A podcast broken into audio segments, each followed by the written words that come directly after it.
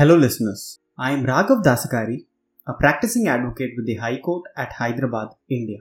I welcome you all to this show on overseas laws only on Radio Nyra, Raleigh, Durham. Broadcast on three frequencies 99.9 FM HD4, 101.9 FM, and 1490 AM. In my series of talk shows related to the Indian American philanthropy and charities to help a wide spectrum of social economic causes in India. Today, I'm going to speak with you on what is the process of starting an NGO in India. We've always believed that flying to greener pastures by immigrants, by Indians, for several decades now has led to a bustling and successful Indian diaspora across the globe. For a large section of this Indian diaspora, United States of America is the new home away from India. Like all immigrants to the USA, history reveals that immigrants have paid back to their motherland, contributing to their success and growth. Even the Indian American diaspora has already begun to play an important and significant role in the growth story of India. Now, coming to NGO, well, this word stands for non governmental organization. An NGO is set up with the prior and sole objective of service for greater causes without the aspiration of gaining any profit from the same.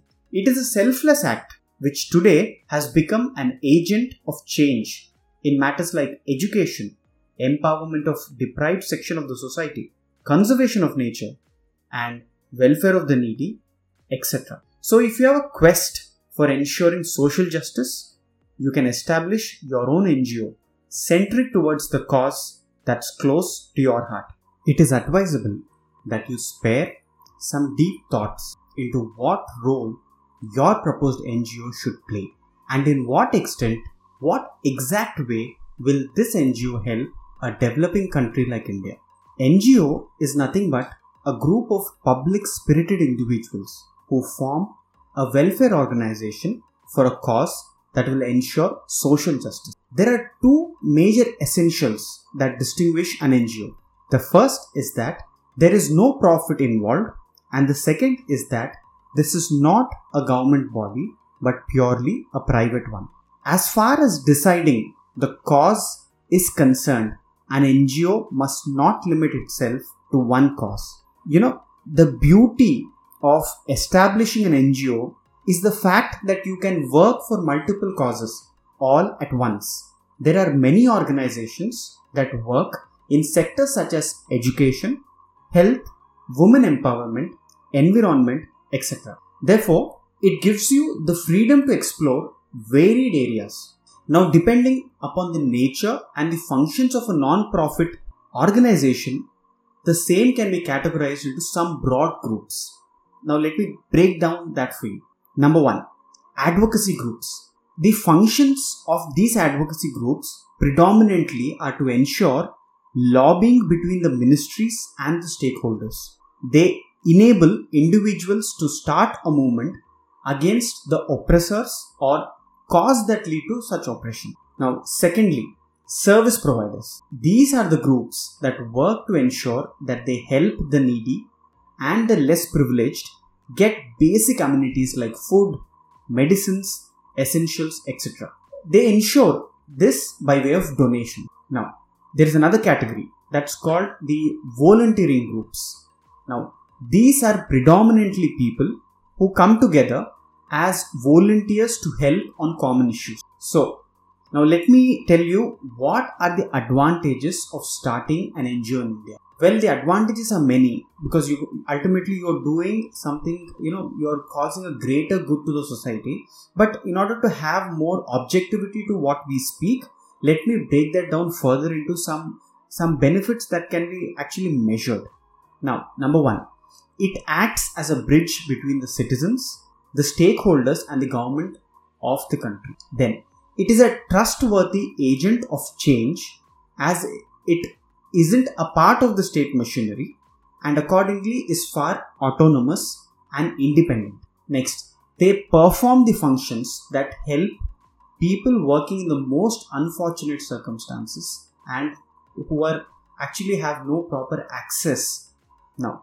Next, they have a better connection with rural India and those sections of the populations which go unheard and unrepresented and have added tremendous worth to the human resources in India. They are not restrictive and have the broad freedom of helping out many causes. Further, they include communities and foster locals to participate in the process. So it is a very, it's in fact a social change that you bring in by these organizations. Next, they provide many essential services to the most deprived and the unfortunate lot of the society that we live in. Now, moving to the next aspect of my show, and that is uh, what are the things that you need to really know before setting up an NGO in India? Well, if you are thinking of starting a new NGO in India, then please mark my words, starting an NGO requires a great commitment, and it is not as simple as saying that if I have enough money, I can start an NGO all by itself. Sorry, that's not the way how things run. In fact, it requires more than money, it requires hard work, dedication, determination, and a genuine desire to support others. To start and run an NGO is almost similar to that of running a business. And mind you, this in fact demands much more transparency and much more uh, accountability in many ways. Moreover, let me tell you that you have to work for the welfare of the society without expecting any profit. To give you a heads up, let me tell you some of the important aspects that you need to consider before stepping in to register and have your own NGO in India. First, decide the cause and mission for your NGO. The first step is to list down the causes that your NGO will be supporting and it will be standing for. Right from it could be women's rights, children welfare, education, environment, and many other social causes that you can draft a clear statement of your mission that reflects the purpose it stands for, its goals, the target group, and its objective. Next, set up the board of directors or members. There will obviously be a board of directors and members who will be responsible to govern the NGO. It is always very important that you have like minded people people with a sense and a spirit of charity, social welfare, and strong willed people to be a part of organization of the body. You also need to have support of financial advisors, technicians, and people with knowledge of legal procedure. Let me tell you, there is no limit on the number of persons of founding members or their supporters in a particular organization. Next, decide the name of your NGO. It is an obvious requirement for an organization to have a name. Same is the case with an NGO too. The name should be short, it should be ideally catchy, it can be anything, it can be any idea that you have in mind, a reflection of the cause. However, remember, it should not be similar to any government authority or body, board or ministry or any other registered company or already existing NGO. Next, you should have in place a memorandum articles of incorporation or articles of association. Every NGO in India is legally required to document a trust deed or a memorandum of understanding or bylaws. This is a document which actually contains the name, address of the mission and objectives, the details of governing body members, human resources, staffing information, rules, regulation, administrative laws and procedures. This memorandum must be prepared and drafted in an acceptable pattern, manner, process, and parameters that are required for registration. It is better to hire a lawyer to help you with this who knows the requirements better and has a better knowledge over the procedure which could bring down or simplify the whole process for you. Next, get your NGO registered. Once all the documents are ready and the required fee is submitted, you can get your NGO registered under any of the three acts. I'm going to stress more on what which kind of body that you have to take in the later segment of my talk show today. You have three options. You can go for a society a society which can be registered under Societies Registration Act. You can also have a charitable trust which is registered under the Indian Trust Act and you can also have a non-profit company that is registered under the Companies Act 2013. Next, start raising funds. Once your NGO is registered, it's time for you to start collecting funds to run the NGO.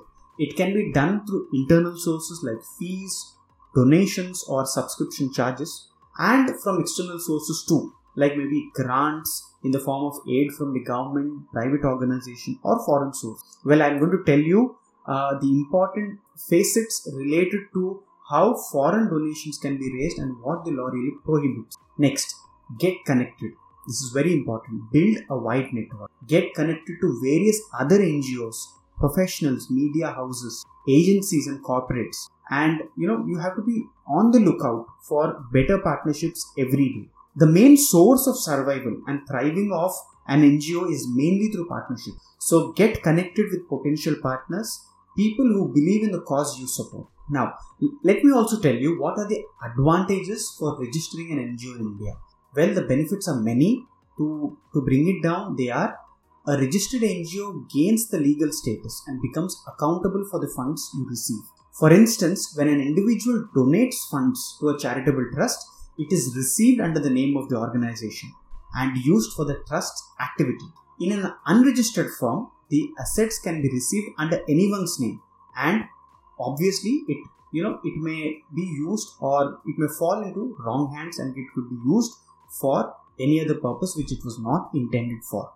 Next, an organization that is registered as an NGO, you know, it reinforces the legal norms, ethical and social values. Third, the basic requirements for running an NGO is to have a bank account under its. Uh, in order to open an account, it is mandatory to have a registered trust or a society or a Section 8 company. Uh, the law requires that. Next, the registration of an NGO is necessary to seek tax exemption from the income tax authorities. Now, here I'm going to take a quick break and we'll be back after these messages. Stay tuned with us because I'm going to tell you after the break that what are the different types of bodies one can choose to start as an NGO in India and how does the uh, the law that impacts the foreign donations play a role in the administration of body.